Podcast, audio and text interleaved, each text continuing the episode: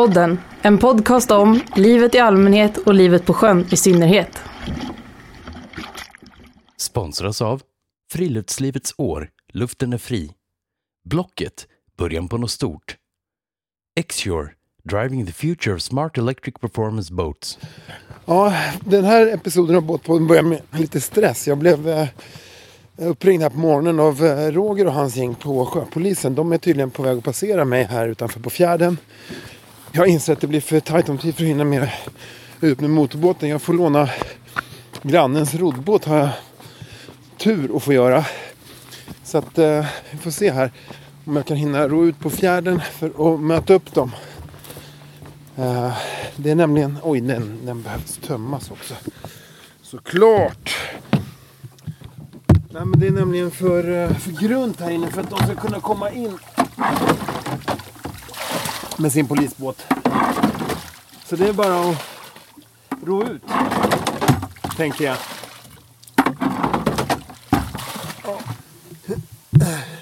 Man vill ju gärna veta vad sjöpolisen sysslar med och vad som är deras utmaningar. Tänker jag. Speciellt en sån här sommar där alla har skaffat båt alltså.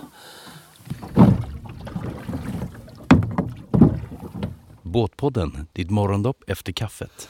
Han jag fick ändå ligga här en liten stund och vänta på dem. Men eh, då hinner man ju reflektera lite. Vad är, vad är det som får någon att vilja vara sjöpolis? Är folk snällare på sjön även fast de är, eh, bryter mot lagen? Eller vad är, det, är det lindrigare brott? Är det... Ja, vad fasen, vad är det för något? De här glittrande ojämna vågorna som liksom får lite svall på sig nu. Det skvalpar mot eh, båten här ute på fjärden. Vinden som känns ganska ljummen. Molnen som drar förbi. Det känns eh, som en plats att vara på. Att vara i nuet. Det är något med sjön hörni. Bara att lägga ut någon meter eller några meter från land. Yes, där kommer de. Det verkar vara deras nya och fräschaste båt. Den ser väldigt snabb ut och ändå bekväm alltså. Ska se om de kan borda mig här på något sätt. I min lilla roddbåt. Och, ohoj! Tjena, ja det är jag. Här är Båtpodden. ja.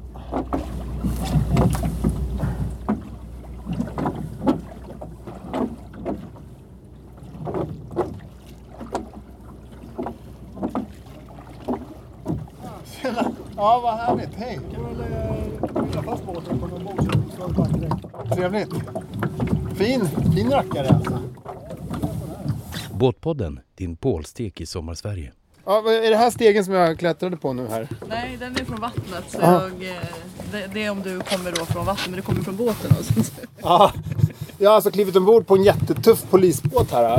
eh, Till Roger och Elin eh, och ert crew. Eh, Det här är någon ny polisbåt ni är ute med eller? Ja, det är en ny båttyp. Och, eh, cirka 15 meter aluminiumbåt. Vad är det bästa med den här? Den är faktiskt inköpt för att användas. eh, Vi har ett uppdrag nere i Grekland eh, och inom Frontex. Så att eh, tanken med den här från början det är att vi ska ha den här att kunna köra gränsbevakning right. mellan Grekland och Turkiet eller, eller var vi nu blir skickade. Okej, men Elin om jag får fråga dig då. Varför, vad, vad är det för skillnad på att vara sjöpolis och, och vanlig polis inom situationstecken? Ja, den stora skillnaden är ju att man är på vattnet och jobbar istället för, för på land helt enkelt. Ja. Men All- vad är det som skiljer liksom rent? De uppgifter ni utför?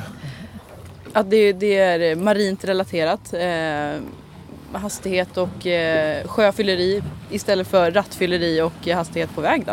Eh, vi gör ju i stort sett eh, eh, alla saker som man gör på land fast vi gör dem på vattnet och ute i skärgården helt enkelt. Ja. ja. Och vilka, vad kan det vara för typ av uppdrag? Det är mycket fart och eh, fylla. Ja, dels det är det.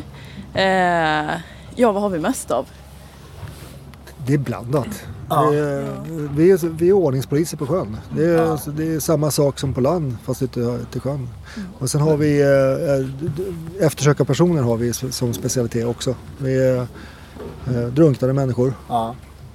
Som vi söker med sonar och med dykare. Ja. Och sen har vi dykkompetens som vi, vi använder i hela landet för att hjälpa till. Dels att söka efter personer och sen eh, i eh, brottsmål. Alltså man söker efter pistoler eller knivar eller telefoner som används i grova brott. ja. Där åker vi runt och Okej. hjälper till ute i hela Sverige. Som har kastats i sjön och sådär? Ja, man misstänker det. Ja. Söker vi efter det. Ja. Brottsplatsundersökning under vatten. Men hur, jag tänker, hur har eh, sjöpolisyrket förändrats de här senaste åren? Har det liksom blivit grövre brott även på sjön? Eller liksom... Ja, det vet jag inte om det blir grövre brott. Det, det tror jag. Men jag tycker alltså båtlivet har förändrats. Eh, Det är min erfarenhet. Alltså, På vad sätt då? då? Det... tidigare så var det mer eh, entusiaster som var med i båtklubbar. Eh, nu är det mycket folk som köper båtar som man använder över dagen. Man, har, eh, man är med på marina eller så har man på trailer och sjösätter. Ja. Det är inte lika vanligt att, att man har någon nautisk kompetens. Eller det, det finns, vi stöter på ganska ofta. Ja. ja. Människor ute som eh, köpt båt och inte vet vad ett sjökort är. Nej, Det är inte ovanligt. nej. Eh, så Men attityden då? Skiljer, skiljer den sig någonting Nej, de på sjön eller om ni stöter på folk på land? Liksom? ja, de flesta på sjön är ju alltid trevliga. De är ute för att ha kul. Ja. Och man, ja. är, man, är, man njuter av det här. Så att de flesta, övervägande delen vi träffar på är faktiskt mycket trevliga människor. Ja. Har du jobbat även på landbacken, Elin? Ja, jag är ju bara här på somrarna så det här är min Ja. andra sommar jag jobbar här. Okej. Eh, så, Vad nice. ja, verkligen. Det är ett bra sommarjobb. Ja. Eh, men jag upplever att det är en, en eh, trevligare stämning på sjön och man blir ofta välkomnad på ett annat sätt än på land. Ja. Eh, jag vet inte om det har att göra med att vi inte syns lika ofta på vattnet som man kanske ser på polisbilar. Okej. Ja. Eh, och sen att, eh, som Roger säger, så är det ju många njuter ju när de är ute i skärgården. Men känner du också att mer att ni hinner med förebyggande arbete så här till sjöss? Jämfört med på land?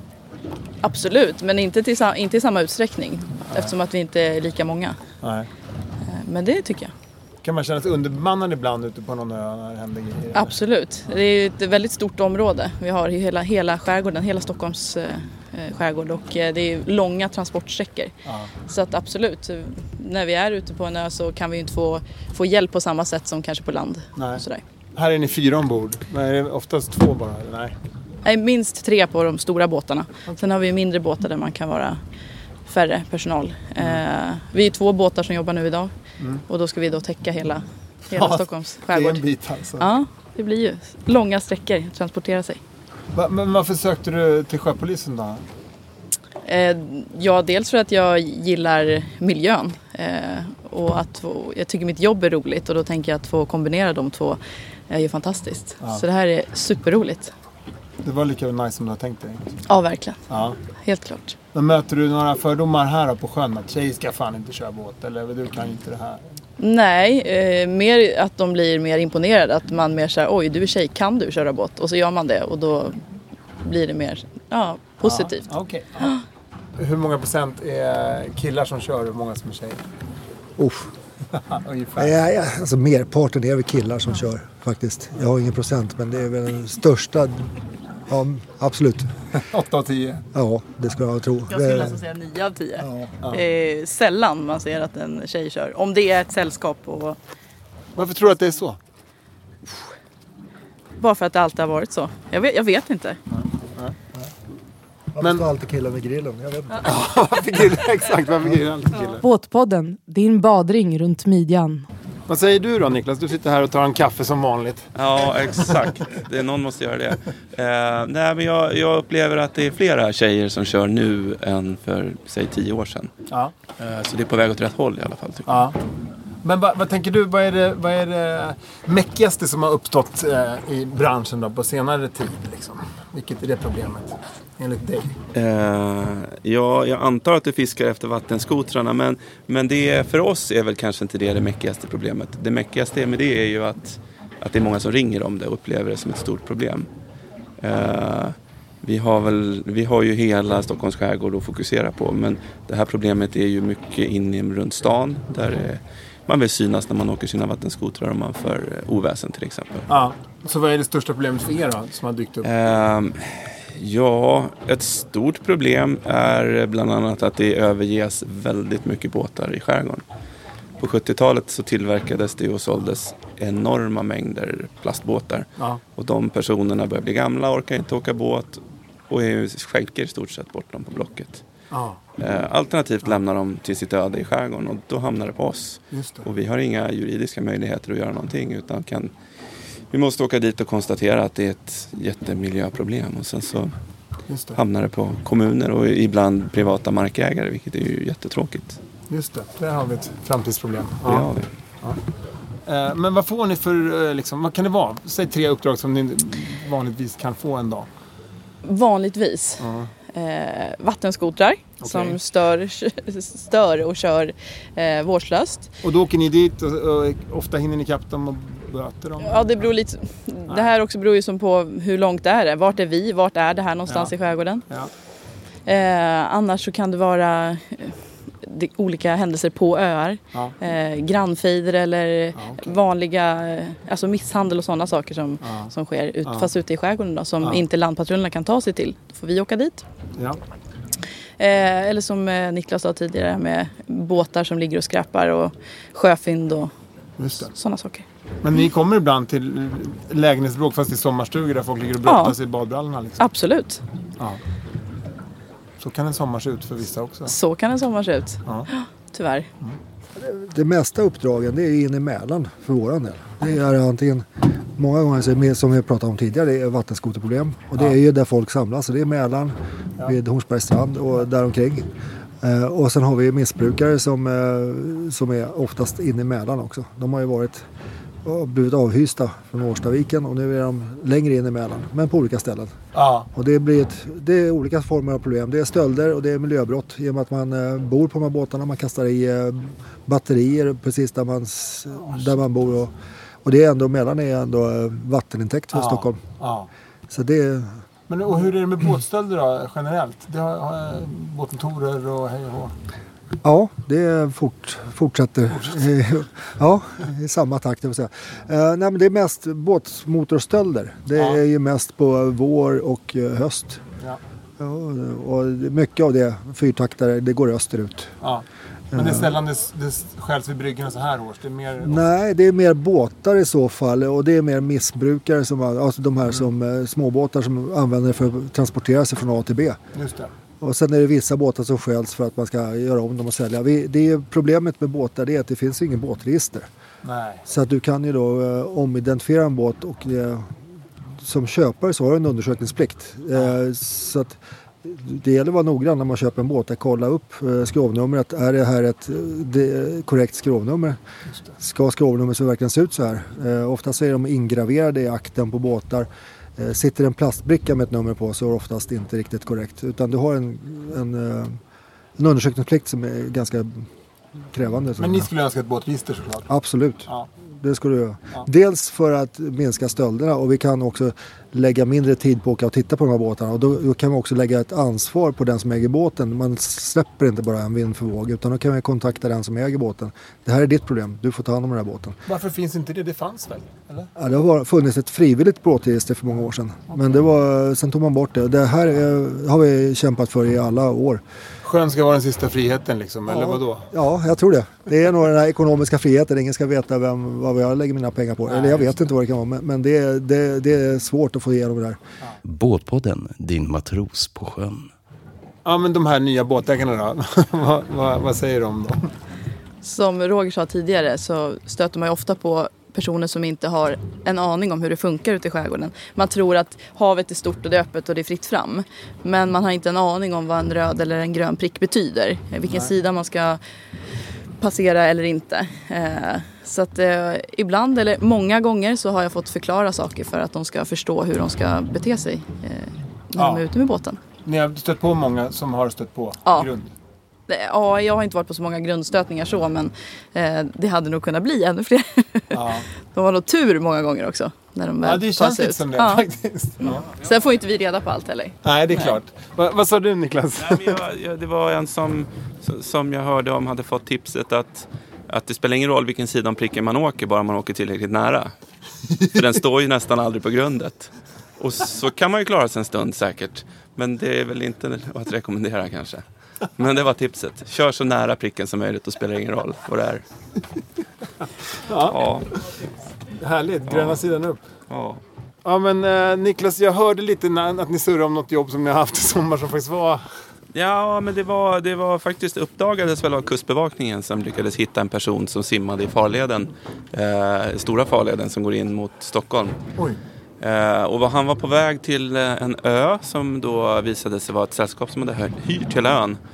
Eh, så vi fick åka dit och då visade det sig väl att det var väl en 100-150 tält på den här ön och någon form av alternativ festival där man får eh, under en veckas tid eh, leva ut sina fantasier. Om man vill vara en björn så kan man vara en björn. Om man vill vara en syrsa så kan man vara en syrsa. Om man vill sitta i en klunga och sjunga så gör man det. Eh, mysigt. Ja, det var jättemysigt och väldigt lugnt och, sådär. Ja. Det var gudstjänster och all, alla olika utklädningsformer och typer. ja. Och där kom ni utklädda som poliser. Där kom vi, vi ja, men alla var så glada och trevliga och tyckte att det var toppen att vi kom dit och hälsade. Men det var väldigt välordnat och lugnt och trevligt. Så att, Ja. men lite annorlunda. Vad kul. Elin, var du med då också eller? Ja, precis. Men Va- jag körde båten så jag var mest kvar eh, i den då. Så ni träffade ni andra utklädda till poliser? Jag? I, inte som mina kollegor berättade då, utan det var mest utklädd till diverse andra figurer. Ja. Båtpodden, din ursäkt för att slippa diska. Eh, Om du har köpt en ny båt och är lite osäker på det här med tilläggning, har du något bra tips? Eh, ja, ta det lugnt. Det, är- det är bara att börja om från början om det känns fel när man kommer in än att chansa. Även vi har problem ibland när det blåser så att man får ta det lugnt och börja om. Det är ingen prestige i att det tar lång tid utan det är bättre att det blir lugnt och fint och rätt. Väldigt klokt sagt. Det får avsluta den här sköna eh, förmiddagen i Vassviken. Mm? Båtpodden, ditt ankare på botten. Ja, tillbaks hemma igen och vänder. Återigen, sjöpolis. Vilket viktigt och eh, nice yrke alltså. Eh, men det var inte det vi skulle göra den här episoden. Vi skulle ju hänga med våran partner Martin Logna i, från Skärgårdsradion. Som jag ska träffa upp här nere på bryggan igen här nu. Bara för att se vad han, vad han drivs av. Häng med.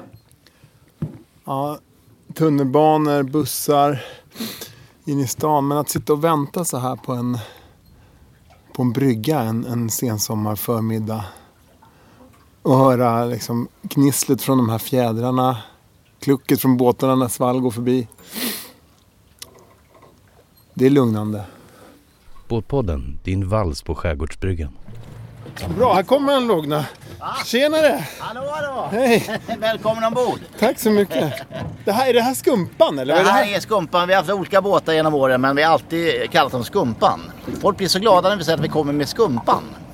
Eh, och så skumpar det rätt mycket på havet också. Så. Ja, det, ja, det, det, det är dubbeltydigt Ja, där. absolut. Mm. Men alltså Martin, skärgården är ju, jag har pratat väldigt mycket nu under de här episoderna om eh, lugnet och stillheten och det fina. Skärgården kan ju också vara fest.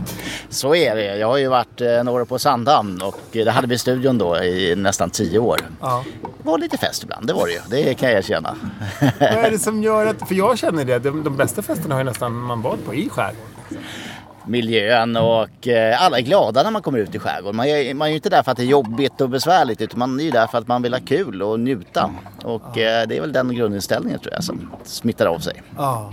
Har, du, har du märkt det som, som eh, eh, reporter som du ofta är nu då, eh, även om du även är stationsägare.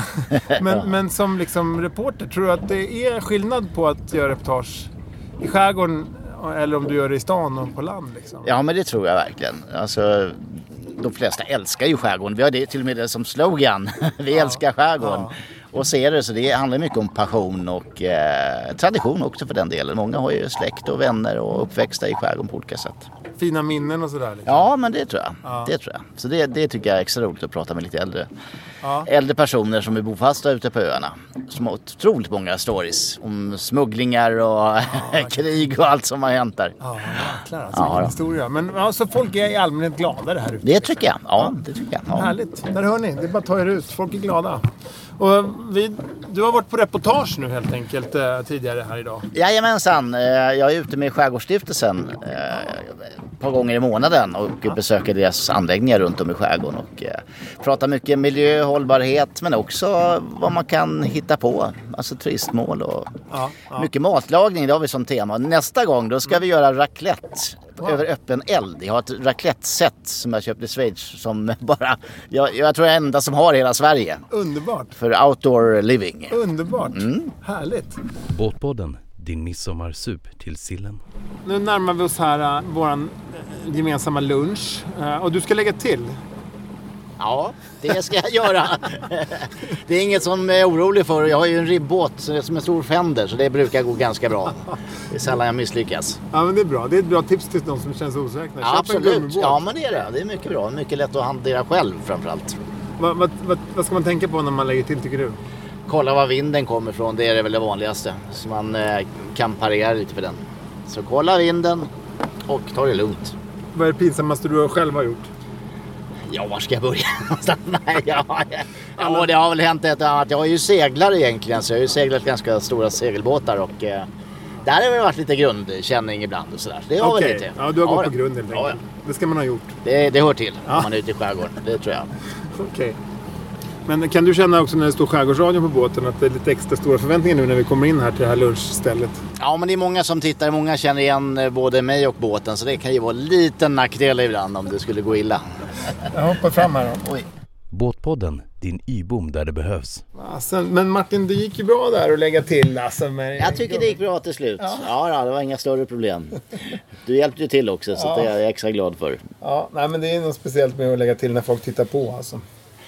Ja, det är ju det och det är den största underhållningen jag själv har när jag ligger i hamnen och eh, Ja. tittar på när andra lägger till Ja. och kanske gör bort sig ibland. Människan är en elak Ja, så är det. Jag varelse. vet inte, det ligger i blodet på något sätt.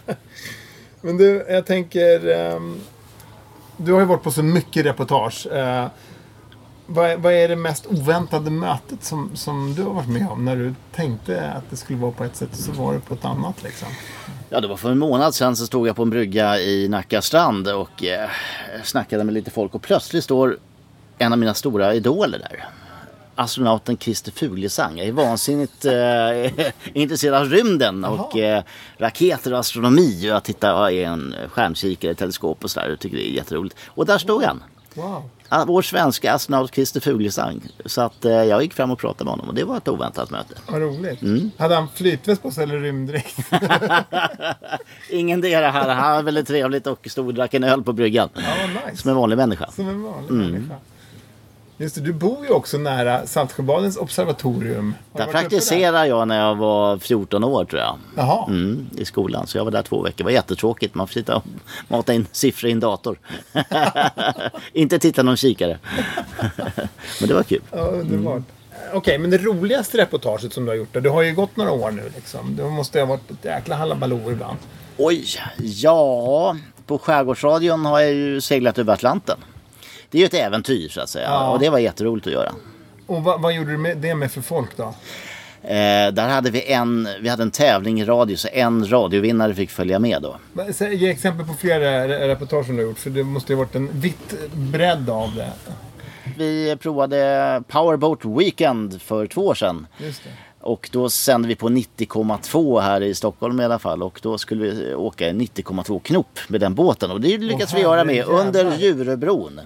Eh, Är det ens lagligt?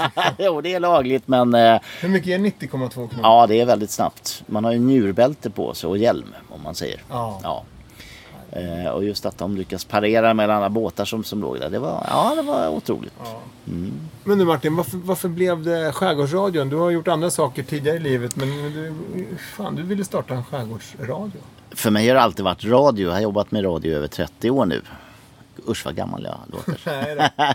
Nej Eller hur?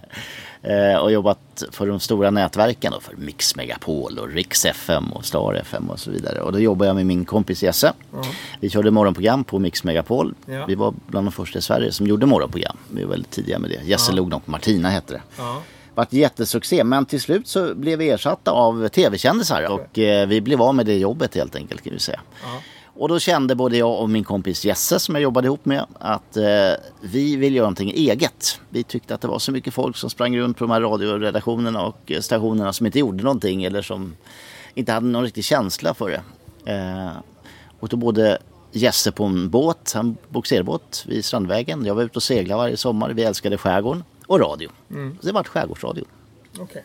Okej. Så det är en passion för, för skärgård och båtar. Ja, och, eh, båda hade båda, hade båda intressen. Precis, och radio. Så vi köpte en antenn och en mast och satte upp det och drog igång Skärgårdsradion då. Nu är nu 14, ja nästa år blir det 15 år. Ja. Någon form av jubileum nästan. Och vad är skärgårdsintresset ifrån då? Har du liksom växt upp i skärgården eller vad är det? Du bor ju i skärgården. Jag bor i skärgården i och för sig nu men eh, jag har alltid haft båt. Mina föräldrar hade motorbåt. Jag gick på seglarkurs, optimistkurs, ABS. ABC, ABS, det hade vi inte. Vi hade ABC seglarskola och så vidare. Eh, Så det har alltid funnits ett eh, stort båt och skärgårdsintresse för mig. Det har varit väldigt mycket runt om i, i Stockholms skärgård framförallt.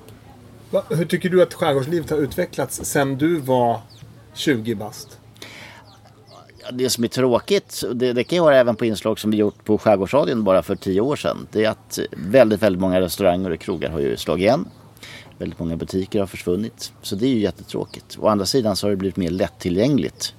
Det finns ju Båtlivet eller båtlivet, ja överhuvudtaget. Det finns ju mer brygger och hamnar och mer organiserat på det sättet. Så Men det att, låter eh, ju lite eh, så, sådär motsägelsefullt. Ja, kanske. lite grann är det så. Ja. Varför tror du att det är så? Nej, det är väl bara utvecklingen som är så. Men det har varit, eh, det är tufft att driva företag i skärgården. Ja. Så kan man ju säga. Ja. Det har jag ju väldigt många skärgårdsföretag. Alltså. Blir de utkonkurrerade av liksom...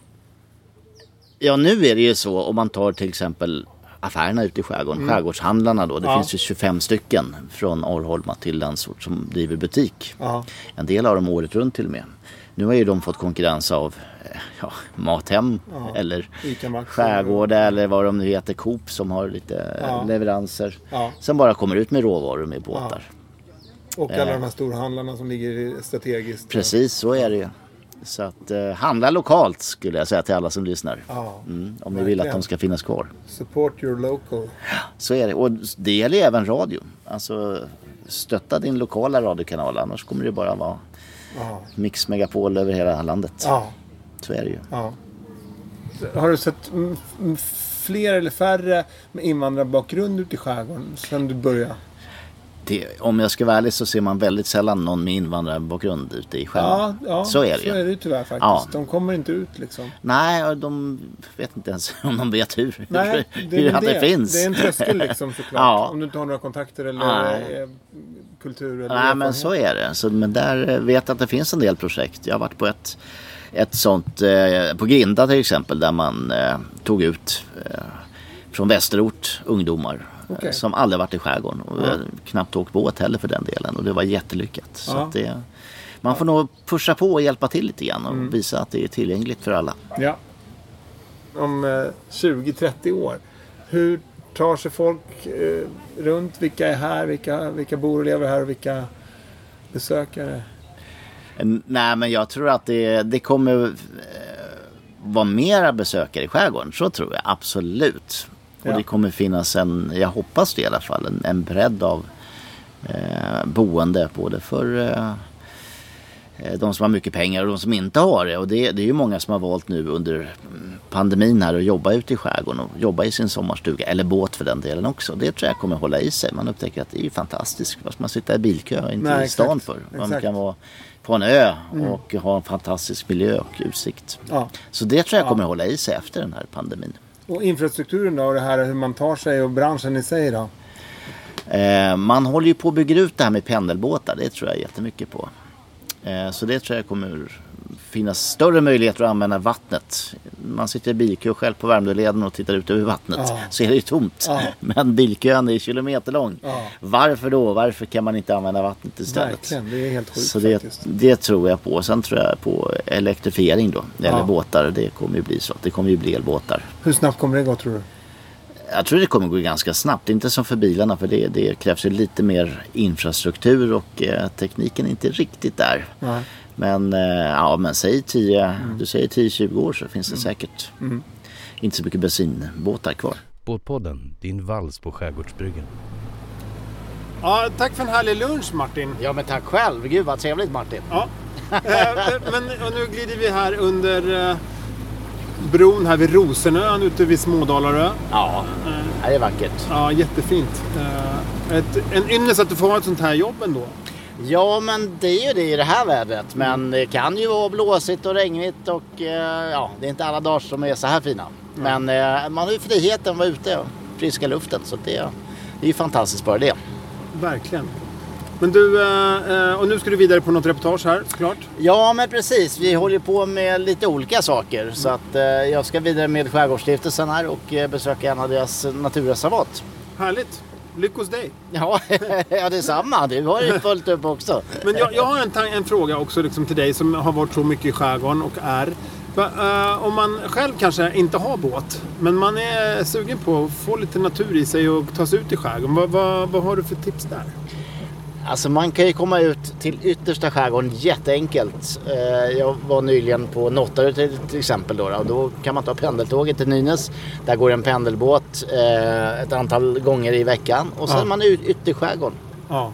Alltså på eh, en och en halv timme ifrån Stockholm city. Och då pratar vi kritvita sandstränder Ja, också. absolut, jättefina sandstränder för hela familjen. Så det är ett tips skulle jag säga. Vad härligt. Och vad, vad är det som gör att man ska ta sig ut i skärgården tycker du? Varför? Lugn och ro.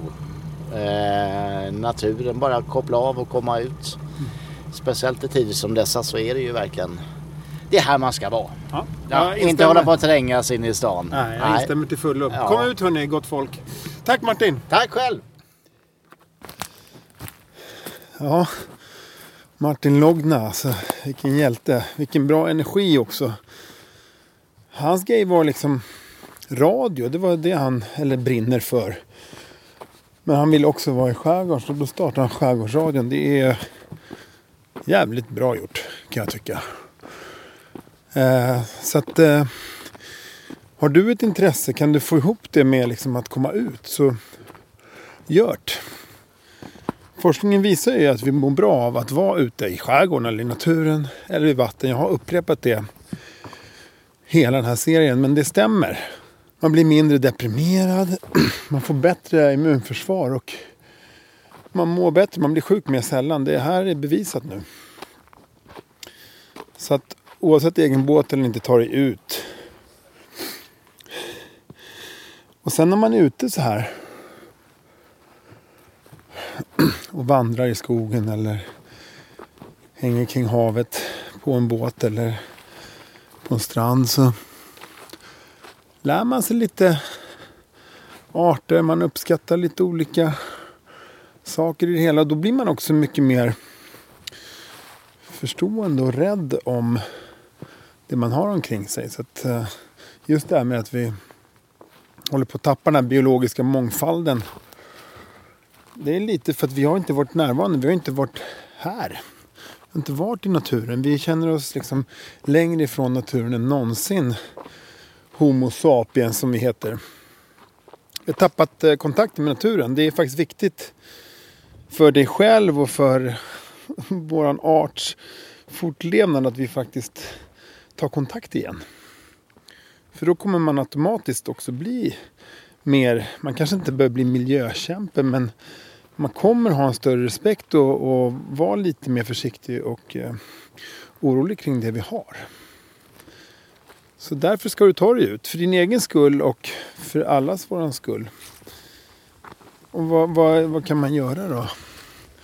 Jag sätter mig nu, jag har fått världens bästa tips av Bosse, en kompis till mig som har introducerat mig för Ja, skogsbad, absolut. Ehm, men framförallt stubbsittningen. Att ta en kvart om dagen. Gå ut och det här spelar ingen roll om det är oktober eller om det är januari. Det finns kläder för sånt. Sätt dessa här som jag precis nu gjorde på vägen upp från båten. Jag har ett grymt berg som jag brukar sitta på men det kan ju finnas precis vilken stubbe eller plätt som helst nära dig. Så sätter man sig ner och sen bara tar man in liksom det som är omkring oss eller dig. Det låter så kliché det här men det, det hänger ihop med att få, få in sinnena i det. Att vara här och nu som vi brukar tjata om. Att andningen är med också. Och så att försöka kanske inte tänka på, på någonting. Så att eh, ta några djupa och långsamma andetag och andas in genom näsan och sen testa att hålla- andan någon sekund eller några sekunder och sen blåser du ut sen genom munnen.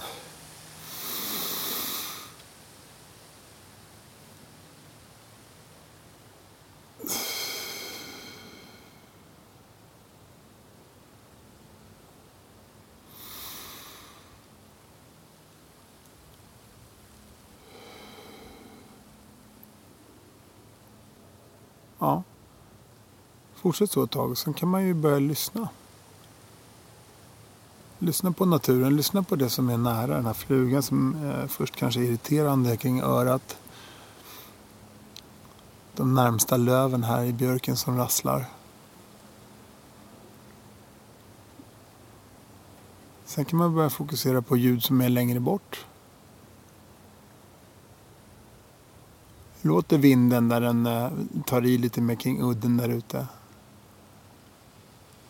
Finns det någon båt längre bort eller någon, någon fågel som ropar? Eller, ja, det kan ju vara sånt som man då väljer att ta in med hörseln. Och sen att titta sig omkring. Vad finns egentligen? Hur ser det ut? Jag brukar tjata hål i huvudet på mina vänner om fraktaler. Alla de här oändliga mönstren som vi har omkring oss hela tiden i naturen. Det finns ju inte ett löv eller ett träd eller en sten som ser likadan ut som en annan här fraktalerna de är så oändliga så att eh, de blir helt eh, omöjliga för oss att ta in. Utan det blir nog istället någon slags avkoppling för sinnet. Alla oändliga mönster i naturen. Ja, som sagt, det Båtpodden vill Förutom att förmedla allt fantastiskt som händer och sker och det, det livet som levs här ute i skärgården. Det kommer vi fortsätta göra såklart. Men det är också att försöka få dig att ta dig ut. Ta dig ut i naturen och eh, jag tycker allra helst ut, utåt havet. Ta dig ut i skärgården. Buss, cykel, bil, båt. Ta dig ut. Vad är det här fantastiska och värna om det. Jag ser faktiskt just nu ett rådjur som står och glor på mig och undrar vad fan jag håller på med. Men jag berättar om dig lilla rådjuret. Hur nice du är. Ja, innan det här blir för flummigt för många av er så fortsätt att följa Båtpodden i sociala medier, Facebook, Instagram. Håll er uppdaterade, lyssna på Skärgårdsradion såklart. På Martin Logna i Skärgårdsradion men också kommer Båtpodden självklart tillbaks nu inför hösten här. Det är båtupptagningar, det levs ett liv här ute i skärgården oavsett årstid och den, det livet är fantastiskt. Kanske är det dags att lägga om ditt eget liv och vara mer i skärgården. Så, vi hörs vidare. Ohoj!